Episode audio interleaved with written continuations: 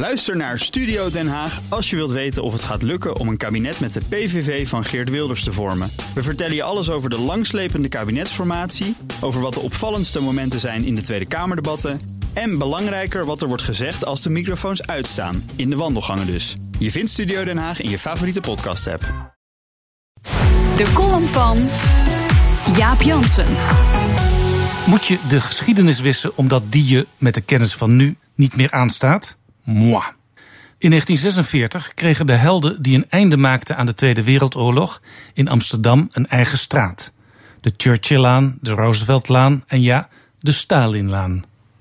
In 1956 viel Stalin met zijn Sovjetleger Hongarije binnen.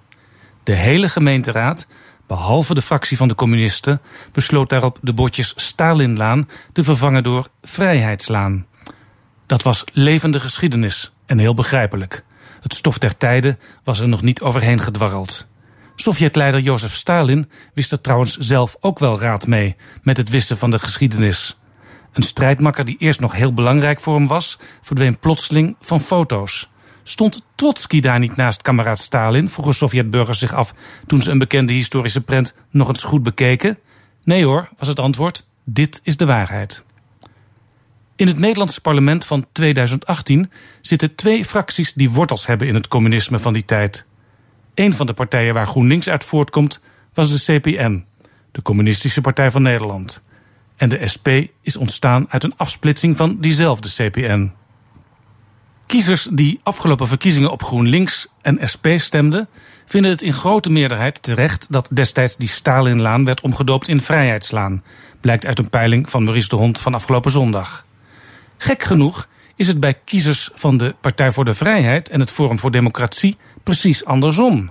Die vinden in meerderheid dat de Stalinlaan gewoon Stalinlaan had moeten blijven heten. De Partij voor de Vrijheid en het Forum voor Democratie. Waarom? Zou dit zijn omdat ze willen dat er nooit iets verandert, maar dan is er geen geschiedenis?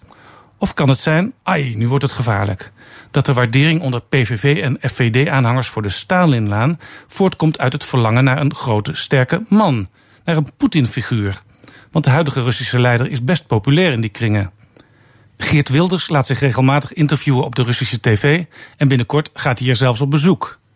Thierry Baudet filosofeerde een paar maanden geleden openlijk over alleenheerschappij.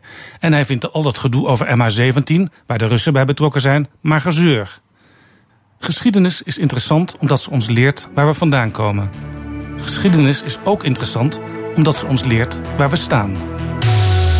En dat is uh, onze nieuwe columnist op donderdag, Jaap Jansen. En u kunt zijn column terugluisteren op bnr.nl en in de BNR-app.